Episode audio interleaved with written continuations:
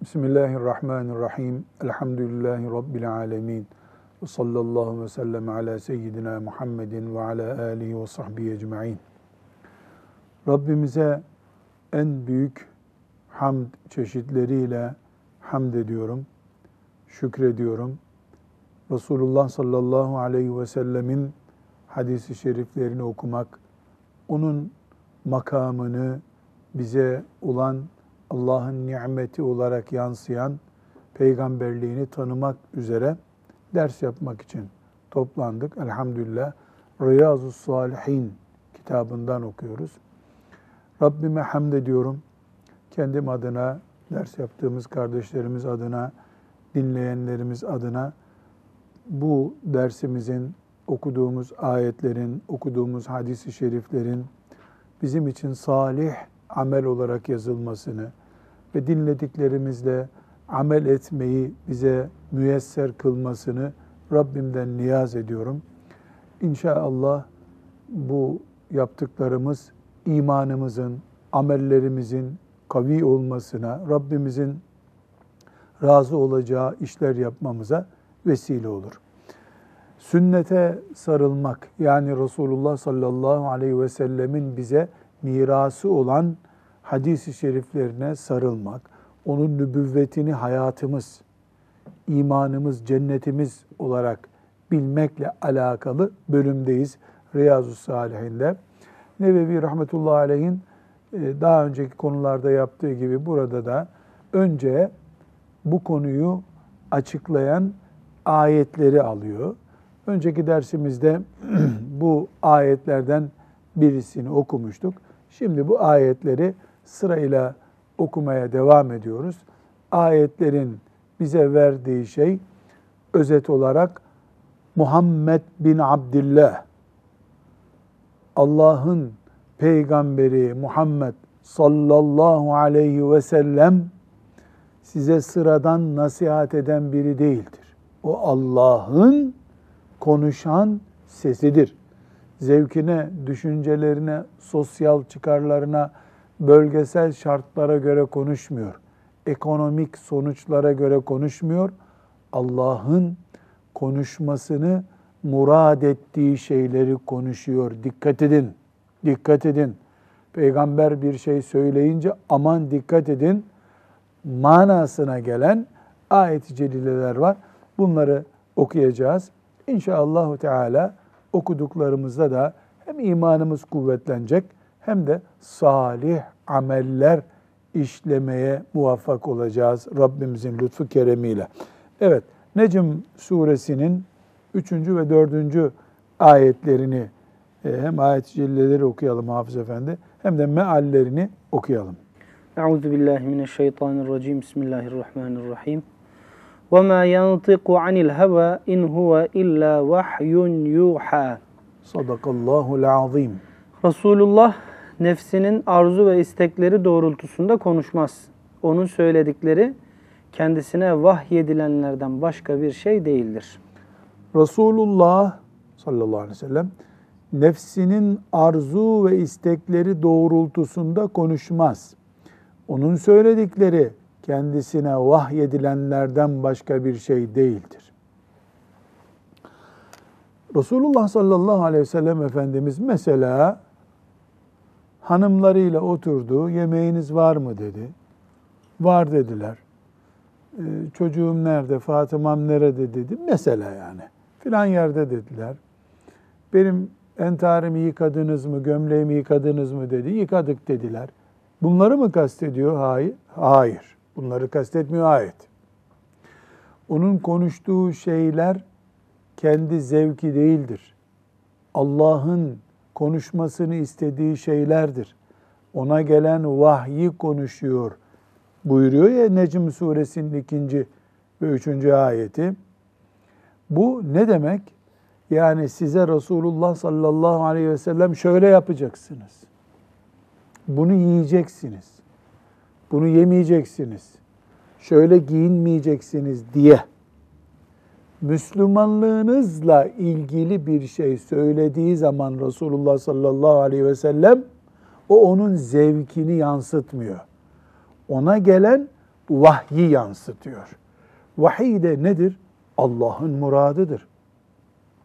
Demek ki Resulullah sallallahu aleyhi ve sellem Efendimizin konuşmalarını, tavırlarını, tepkilerini ana iki başlığa ayırabiliriz. Bir, insan olarak Abdullah'ın oğlu Muhammed sallallahu aleyhi ve sellem insan olarak konuşmuştur. Mesela önüne filanca yiyecek geldi. Ben bunu yemiyorum. İştahım çekmiyor dedi, buyurdu. İştahım çekmiyor buyurduğunda onu yemek haramdır demiş olmuyor. Ama Allah size merkebi yani eşeği haram etti. Eşeğin eti yenmez buyurduğu zaman peygamber olarak konuşuyor.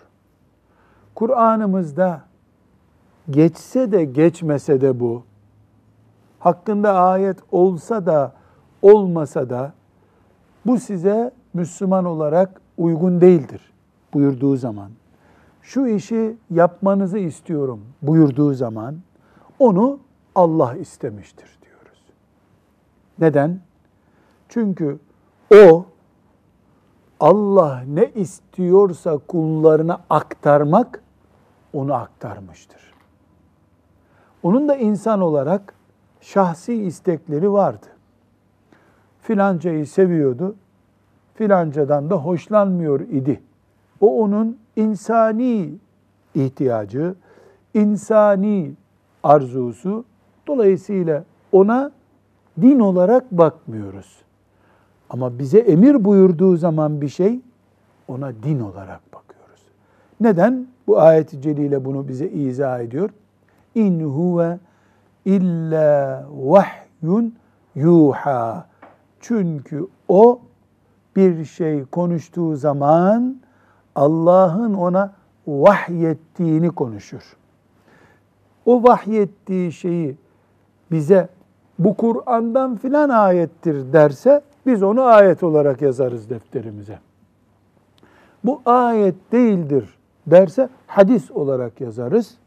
Hem ayeti hem hadisi Allah'ın bize emri, vahiy olarak görürüz. Böyle yapmazsak Resulullah sallallahu aleyhi ve sellemi mesela filanca sözünden dolayı haşa, maazallah biraz ihmal edecek olursak bu ayet ne diyor? İn huve illa vahyun yuha. Bu ona vahyedilen şeydir diyor. Vahyun yuha ona vahyedilen şeydir. Bu peygamber sallallahu aleyhi ve sellemin orada veya buradaki bize emrini teğet geçersek vahyi teğet geçmiş oluruz. Nauzu billahi teala.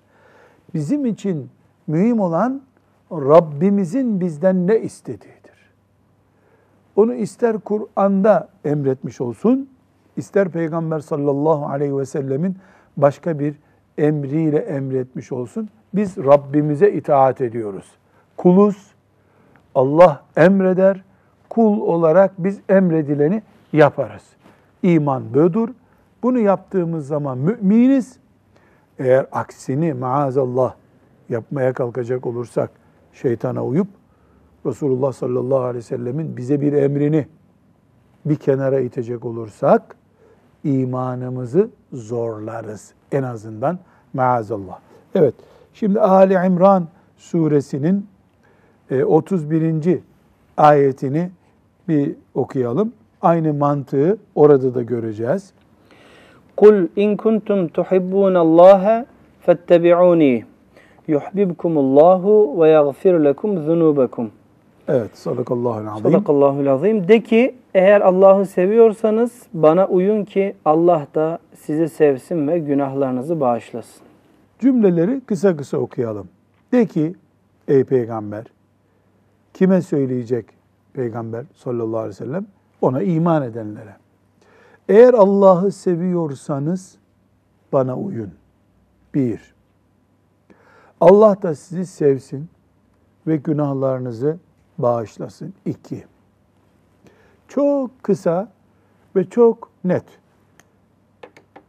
Allah'ı seviyorsanız peygambere uymak zorundasınız.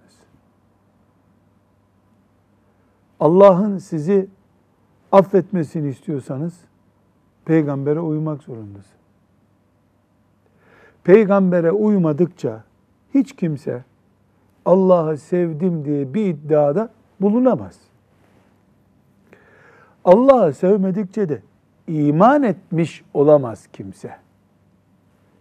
Çünkü sevmediğin Allah'ı haşa nasıl iman ettim diye kendini kandıracaksın ki Allah'a iman etmek Allah'ı sevmek demektir.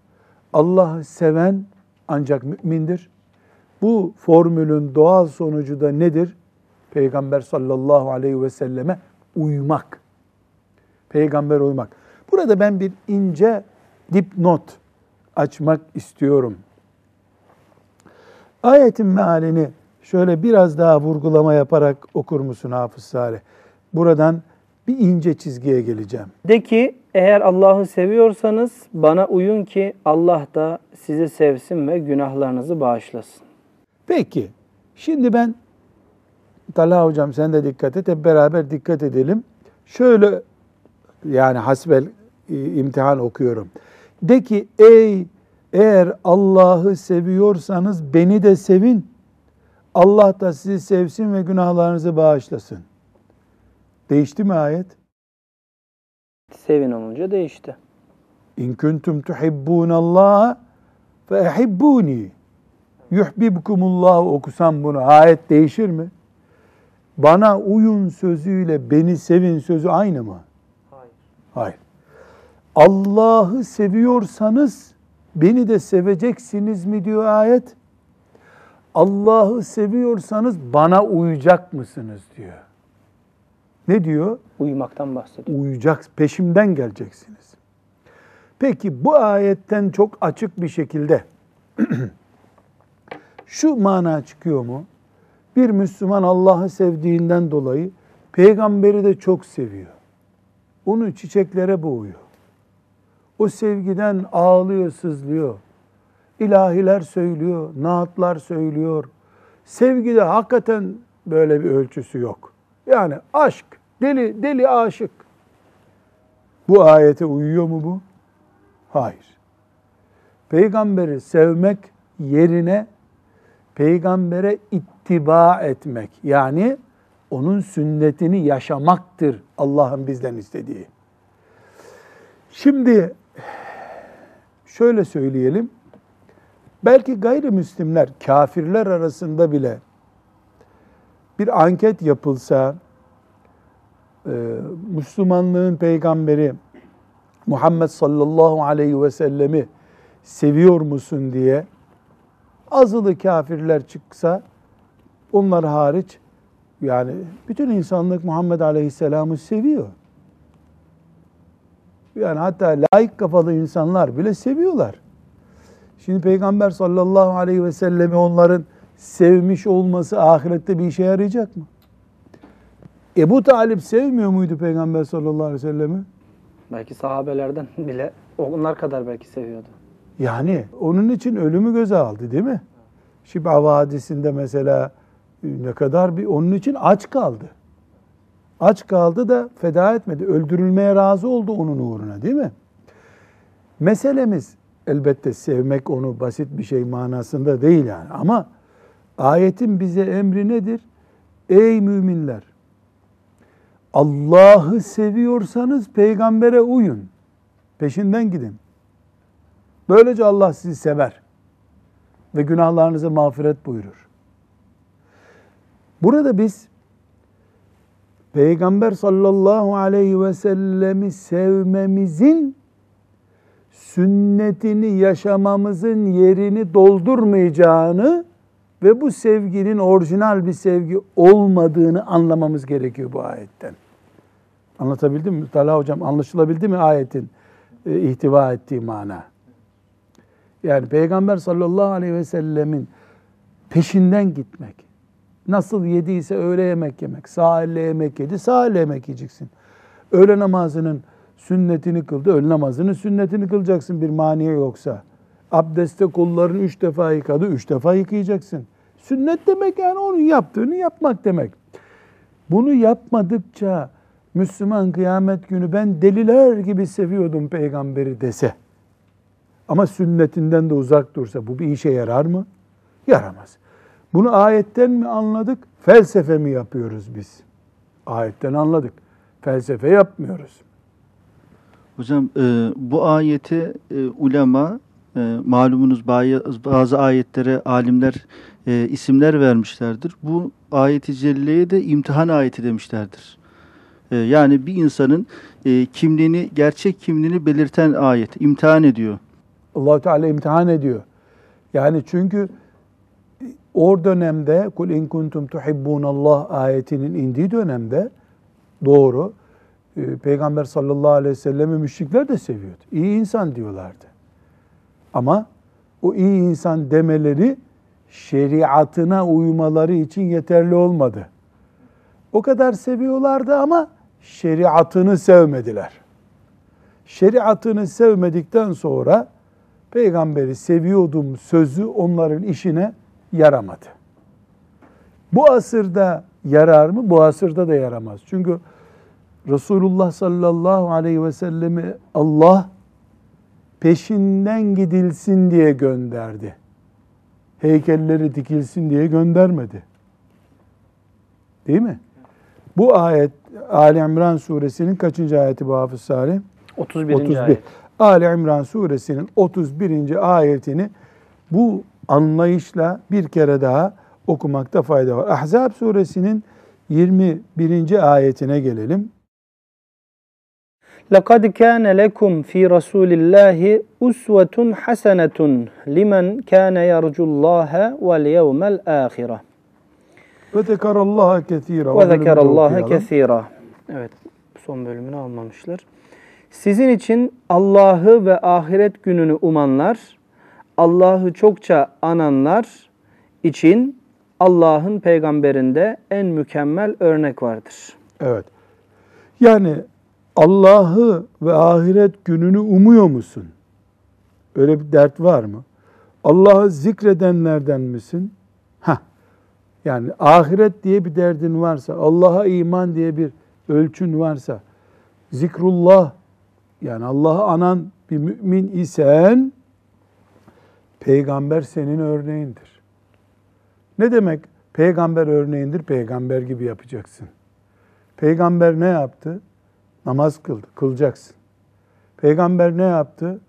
İnfak etti, infak edeceksin. Peygamber ne yaptı? Affetti, affedeceksin. Cihad etti, cihad edeceksin. Ee, haramlardan uzak durdu, haramlardan uzak duracaksın. Yani mümin insan ahiret diye bir endişesi varsa Allah benim Rabbimdir dediyse ya Allah'ı ben hatırlamadan yaşayamam. Hayatımda Allah var diyorsa örneği Resulullah olacak sallallahu aleyhi ve sellem. Örneği Resulullah değil haşa. Nasıl olabilir insan peki? İdol mu diyorlar böyle? İdol diyorlar. Yani evet. idol. Yani idolü bu anlamı oturtuyor mu? Örnek anlamına oturuyor mu? Modern bir kelime belki yanlış kullanıyor. İdol, idolün peygamber değil nasıl olabilir? Bu yani ne alakası var diye. Bir dakika.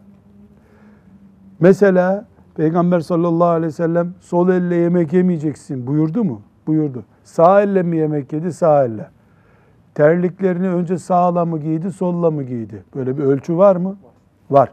Selamsız söze başlamayın dedi mi? Kendisi de selamla hep konuşmaya başladı mı? Var, başladı. Peki e, eşlerine davranışında bir şekil var mı? Var. Çocuklarına, torunlarına karşı muamelesi, nasıl davrandığı belli mi? Belli. Bu kadar. Mesela e, baldızı Esma radıyallahu anha. Kim Esma? Ayşe anamızın ablası. Değil mi? Nesi oluyor Efendimiz sallallahu aleyhi ve sellem? Baldızı oluyor. Baldızı oluyor. Efendimiz sallallahu aleyhi ve sellemin huzuru şerifine bir gün ince bir kıyafetle geldi. Hatırlıyoruz değil mi hadis-i şerifi? İnce bir kıyafetle geldi. Yani o zamanki teknolojiyle ince dediğin kim bilir nedir?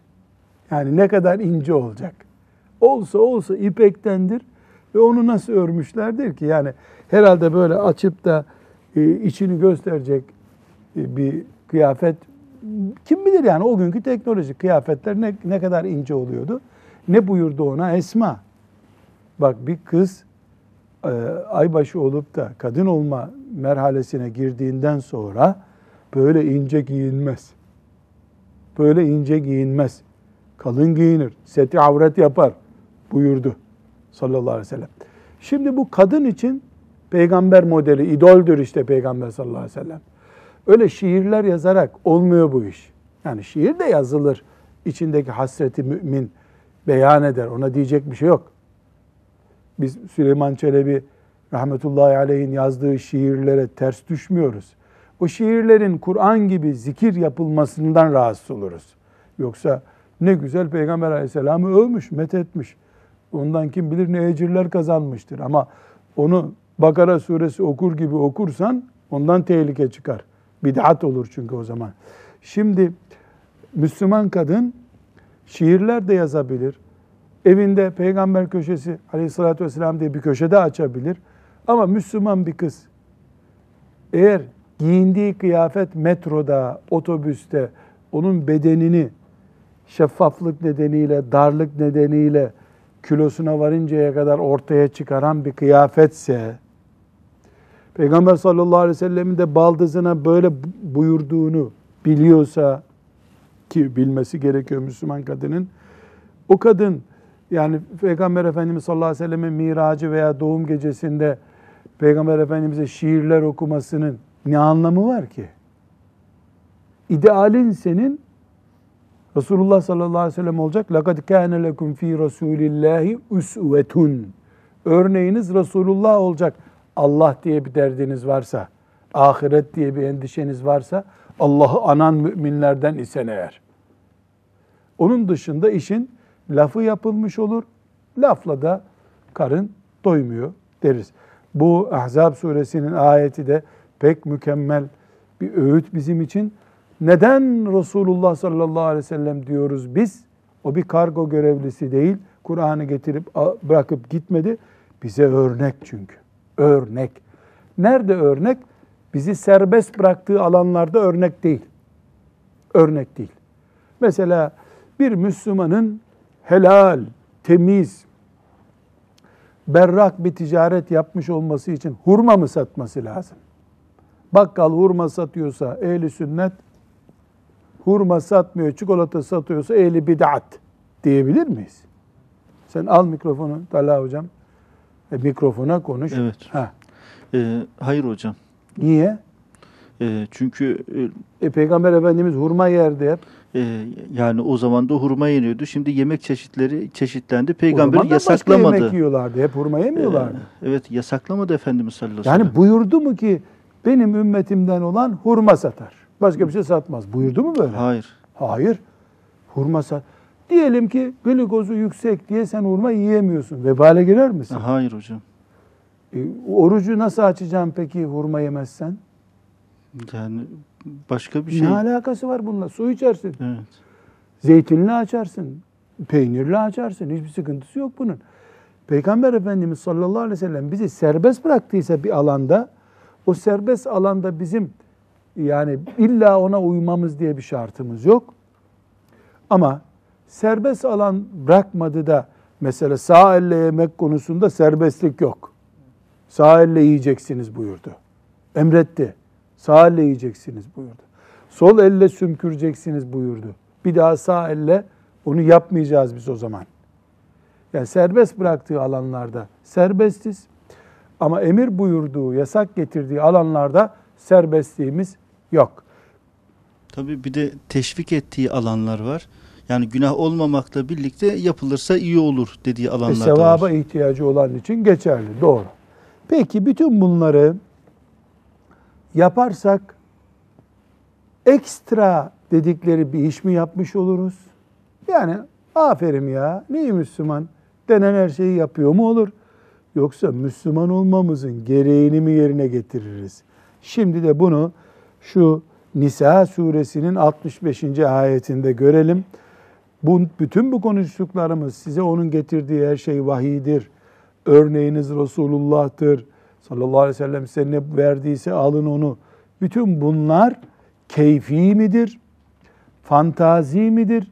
Yoksa yoksa Allah ne emir buyurduysa, peygamberin emri ne buyurduysa onu yaptıkça Müslüman olabilirsiniz demek midir? Şimdi Nisa suresinin 65. ayetini okuyalım. فَلَا وَرَبِّكَ لَا يُؤْمِنُونَ حَتَّى يُحَكِّمُوكَ فِي مَا شَجَرَ بَيْنَهُمْ ثُمَّ لَا يَجِدُوا فِي أَنفُسِهِمْ حَرَجًا مِمَّا قَضَيْتَ وَيُسَلِّمُوا تَسْلِيمًا Hayır, Rabbine yemin olsun ki onlar aralarında çıkan anlaşmazlıklarda seni hakem yapıp sonra da senin verdiğin hükme karşı içlerinde bir burukluk duymadan tam anlamıyla teslim olmadıkça iman etmiş olmazlar. Allahu Ekber. Ayeti okurken fela ve rabbike fela hayır ve rabbike Rabbine yemin olsun. Rabbine yemin olsun. Kim bu yemini yapıyor? Allah Celle Celaluhu. Biz zaten ayet olduğu için teslimiz. Bir de yemin olursa ne olur? Üstüne kuvvet gelmiş olur. Rabbine yemin olsun. Onlar iman etmiş olmazlar. La yu'minune. iman etmiş olmazlar. Ne zamana kadar? Aralarındaki tartışmalarda seni hakem yapacaklar. Sen karar vereceksin. O karara da yüzde yüz teslim olacaklar. Yüzde yüz teslim olacaklar. Hık mık etmeyecekler. Fela ve rabbike la yu'minune. Rabbine yemin olsun iman etmiş olmazlar. Hatta yuhakkimuk. Seni hakem yapıncaya kadar. Bu elbette ki Resulullah sallallahu aleyhi ve sellem Efendimizin sağlığında yaşayanlara hitap ediyordu öncelikle. Yani aralarında bir tarla tartışması çıktı. Para borç tartışması çıktı. Sana gelecekler. Sen şeriata göre bunun çözümünü göstereceksin. Şeriat böyledir diyeceksin. Peki diyecekler, gidecekler. Giderken de taraf tuttu. Aslında benim hakkımı yedi demeyecekler. Malını orada bırakıp gitmesi gerekiyorsa bile, tarlasını bırakıp gitmesi gerekiyorsa bile, peki ya Resulallah deyip gidecekler. Efendimiz sallallahu aleyhi ve sellemin sağlığında bu. E şimdi nasıl gideceğiz? Medine'ye gidip mezarı şerifin önünde duracak halimiz yok. Şimdi ne var? Talha hocam. Sünnet-i seniyye var, e, hadisler var. Şeriat var ortada. Resulullah sallallahu aleyhi ve sellemin mübarek vücudu burada yok ama şeriatı var elhamdülillah. Şeriatı var. Dolayısıyla şeriatına gideceğiz. Ne, nereye gideceğiz şeriatına? Tabi hadisler var. Hadislere başvuracağız. Hadislere yani alimlere gideceksin. Ümmeti Muhammed'in alimlerine gideceksin. Şeriat adına yani Resulullah sallallahu aleyhi ve sellemin şeriatı adına hüküm veren mahkemeye gideceksin. Çıkınca da eline mahkeme ilamı tutuşturulduğunda peki diyeceksin. Bir yığın zarar ettin. Bunu Osmanlı atalarımız çok güzel, çok güzel açıklamışlar. Sanki bu ayetin tefsiri gibi. Ne diyorlar? Şeriatın kestiği parmak acımaz. Ne demek acımaz? Yani parmağı kestin mi acımaz mı hiç? Bunu şeriat kestiyse sakıncası yok benim için. Fela ve rabbike la yu'minune ayetini yani anlayarak mı dediler, anlamayarak mı onu bilmem ama bu atasözü çok güzel oturmuş yerine. Şeriatın kestiği parmak acımayacak kardeşim. Bu Resulullah sallallahu aleyhi ve sellemin gününde yaşayanların bizzat ona gitmesini gerektiriyordu. Bugün yaşayanlar bizzat gitmeseler de şu anda Resulullah sallallahu aleyhi ve sellemin şeriatı yüzde yüz içimizdedir. Ulema olduğu kadarıyla bunu temsil etmektedirler. Bunu yapan müminliğini ispat etmiş olur. Şeriat bir şeye hüküm verdiği halde serbest konularda zaten sıkıntı yok. Şeriat bir şeye hüküm verdiği halde bu hükme itiraz eden nauzu billah ayetin başındaki tehditle karşılaşır. Fela ve rabbike la yu'minune. Rabbine yemin olsun iman etmiş olmazlar buyurur. Burada e, çok önemli bir ayrıntı. Şimdi insanlar hep tarla meselesini düşünüyorlar. Değil mi? Herhalde büyük 5 dönümlük bir tarla İstanbul'da iyi bir yerde bir tarla var, arsa var. Onu kaybettin mi mahkemeye gider gibi alimler öyle değil kardeşim. Ondan önce eşiyle tartışması olan da Resulullah sallallahu aleyhi ve selleme gidecek. Gitti mi ashab-ı kiram eşiyle tartışması olunca? Bal gibi gittiler. Sure indi. Değil mi? Yani o Mücadele suresi kim için indi? Gittiler. Kocası da kendisi de hükme razı oldu. Zannediyorum bu ayeti böyle şirketler arası kavgalar, siyasi kavgalar, Müslüman gençler arasındaki e, grup tartışmalarından önce anlamamız gereken yer aile meseleleridir. Yani karı koca becerip alimlere gidecekler bu asırda. Benim eşim şu vazifeyi eksik yapıyor diyecek. Kocam şu vazifeyi eksik yapıyor diyecek. Alim de Allah'tan korkan bir alim olacak tabii yani. Öbür türlü niye alim olsun ki? Alim Peygamber sallallahu aleyhi ve sellemin varisi çünkü. Peygamber aleyhisselamın vekili. Orada sen haksızsın dediği zaman eşine, erkeğe mesela özür dilerim diyecek, dönüp gidecek. Mesela çok canlı örnek vereyim. Çok canlı bir örnek. Kadınlarla erkekler arasında yüzlerce sorun vardır. Bunlardan en barizi mehir meselesidir. Şimdi erkekler kadınların istediği her mehre evet derler. Yeter ki bu evlilik çabuk bitsin. Yani bir tartışma çıkmadan bitsin. Ya ben bazen nikahlarda bulunuyorum da ya kardeşim sen bunu nasıl ödeyeceksin ya? Adam iki kilo altın istiyor kadın. Sen hayatında iki kilo demir bir arada gördün mü ya? Yok. İki kilo altın istiyor. İstanbul'da ta, taksi istiyor. Plaka tak, plakalı taksi istiyor. Daire istiyor. Sen hiç sarı taksiye binmemişsindir. Hep dolmuşta gidiyorsundur. Bol keseden he he nasıl olsa istemez kadın. 15 gün sonra ufak bir çıtlak oluyor. Parayı getir diyor. Doğru mahkemeye, şeriata bu çünkü devlet kararıyla olmayınca din adına bu mehir kararlaştırılmıştı. Şimdi alimlere. Kardeşim bu kadın babasının evinden çıkıp gelip kocasının evinde gerdeğe girdi mi? Girdi. Buna bir itirazın var mı erkek olarak? Yok. Ne söz vermiştin sen? İki kilo altın. Getir iki kilo altını. Ya o kadarı çok bu hayatı beraber yaşıyoruz. Ayrı bir konu. Sen iki kilo altın söz verdin mi? Beyoğlu'nda daire dedin mi? Dedim. Toki'den daire alacağım dedin mi? Dedin. Söz verdin mi? Verdin. Şahit mi buna iki tane nikah şahidi? Şahit. Ya bu senin borcun. E versin mahkemeye alsın bakalım. Oo, olmadı işte. Fela ve rabbike la yu'minun. Olmadı. Şimdi iman tehlikeye girdi. E bu benim mehirle imanımın ne alakası var? Ahirette görürüz ne alakası var? E sen Allah'ı şahit tuttun bu nikahta değil mi? Ne şahidi bu insanlar burada? Sen iki kilo altın söz verdin. O zaman her şey iyiydi, güllük, gülistanlıktı, bol keseden söz veriyordun. Sonra baktım pahalıymış bu işler. Tabi aradan geçti diyelim bir sene, iki sene bir sürü evde tartışmalar çıktı. Kadın senin gözünde prim kaybetti. O şeyi de hak etmiyor. Hayır. Sen ilk gün verdiğin sözü gerdeğe girmeden kadın, senin evine gelmeden, koca evine gelmeden bir sorun çıksaydı bak o zaman yarısını anlaşacaktık. Şimdi tamamını vereceksin. Allah'ın emri bu. E peygamber mi bunu dedi? Evet Allah dedi, peygamber dedi.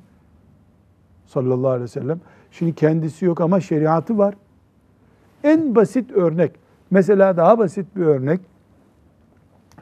Bu asırda çok yaygın, belki günübirlik hoca olan herkes karşılaşıyordur. Gençler babalarına itaat etmiyorlar. Mesela ben işte filan yerde filan işe gireceğim, babam engel oluyor diyor. İtaat etmesem günaha girer miyim? Tamam sen geldin şeriattan hüküm istiyorsun. Şimdi şeriat ne diyor? Bu çalışma dediği zaman sana baban. Mesela sen diyelim Sivas'ta oturuyorsun. Sen Tokatlıydın değil mi? Evet. Ha, Tokat'ta oturuyorsun. Baban diyor ki benim yanımda oturacaksın. Sen memur musun? Gel burada memur ol. Aynı parayı vereceksin. Yok benim arkadaşlarım İstanbul'da. Tayinimi İstanbul'a çıkaracağım diyorsun.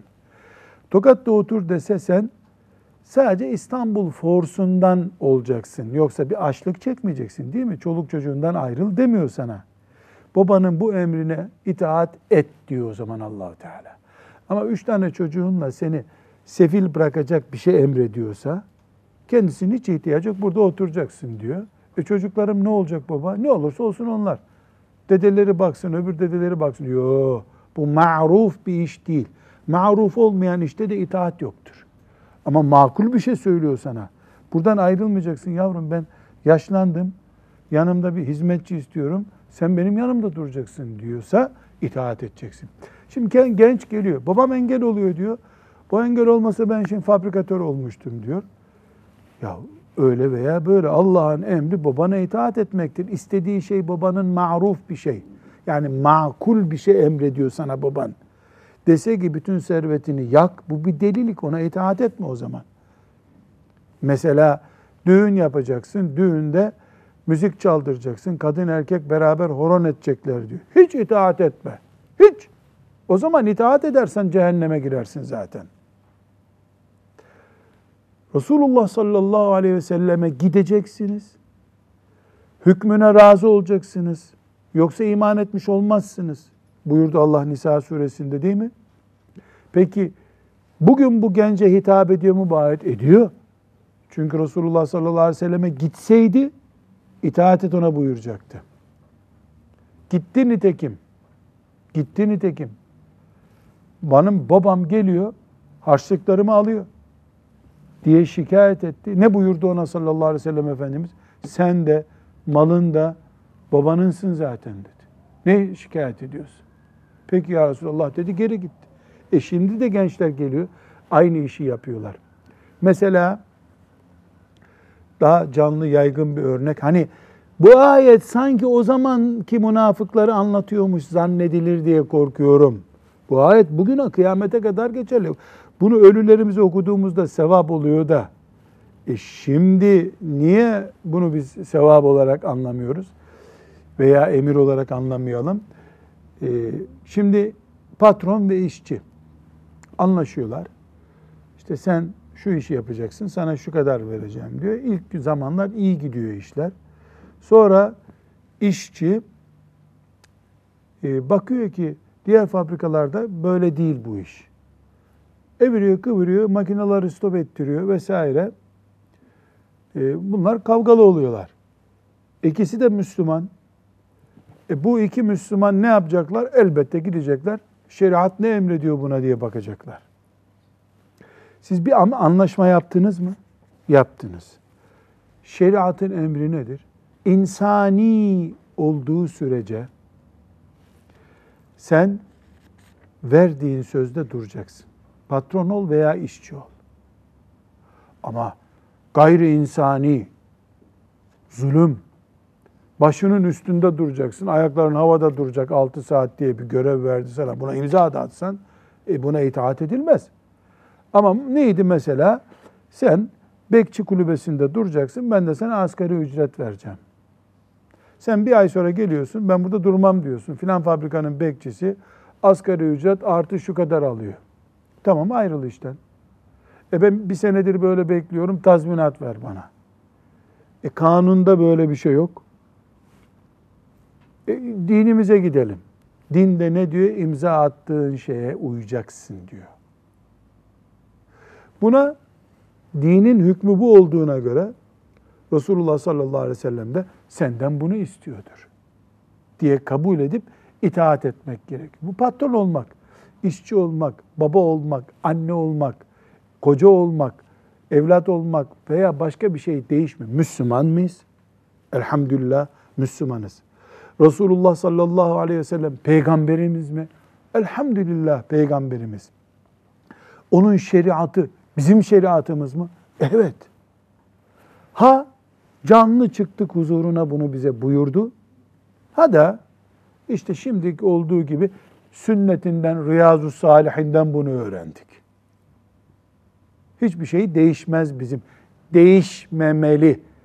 Eğer Rabbimizin huzuruna mümin kalitesiyle çıkmak istiyorsak, maazallah imanımızda bir kayma olduysa, la kadderallah, o ayrı bir mesele tabii. E, Biz e, az önce anlattığınız şeylerin bariz örneklerini mirasta görüyoruz hocam. E, erkeğe bakıyorsunuz hemen hocaya koşuyor çünkü kendisine daha iyi bir mal geleceği Ya, tabii için. şeriat değerli o Evet. zaman. O zaman şeriat de doğru. Kadına bakıyoruz. Kadın da bu sefer hemen e, mer'i hukuka başvuruyor. Mer- kadın. Başka bir konuda da e, tersi oluyor ama sen merak etme. Başka konuda da tersi oluyor. Her halükarda e, biz Resulullah sallallahu aleyhi ve sellemi peygamberimiz görüyoruz. Cennetimiz görüyoruz. Onun yanında değilsek cehennem görürüz önümüzde. Maazallah. Sünneti imanımızdır. Onun mirası bizim hayatımızdır. Ve sallallahu ve sellem ala seyyidina Muhammed ve ala alihi ve sahbihi ecma'in. Velhamdülillahi Rabbil alemin.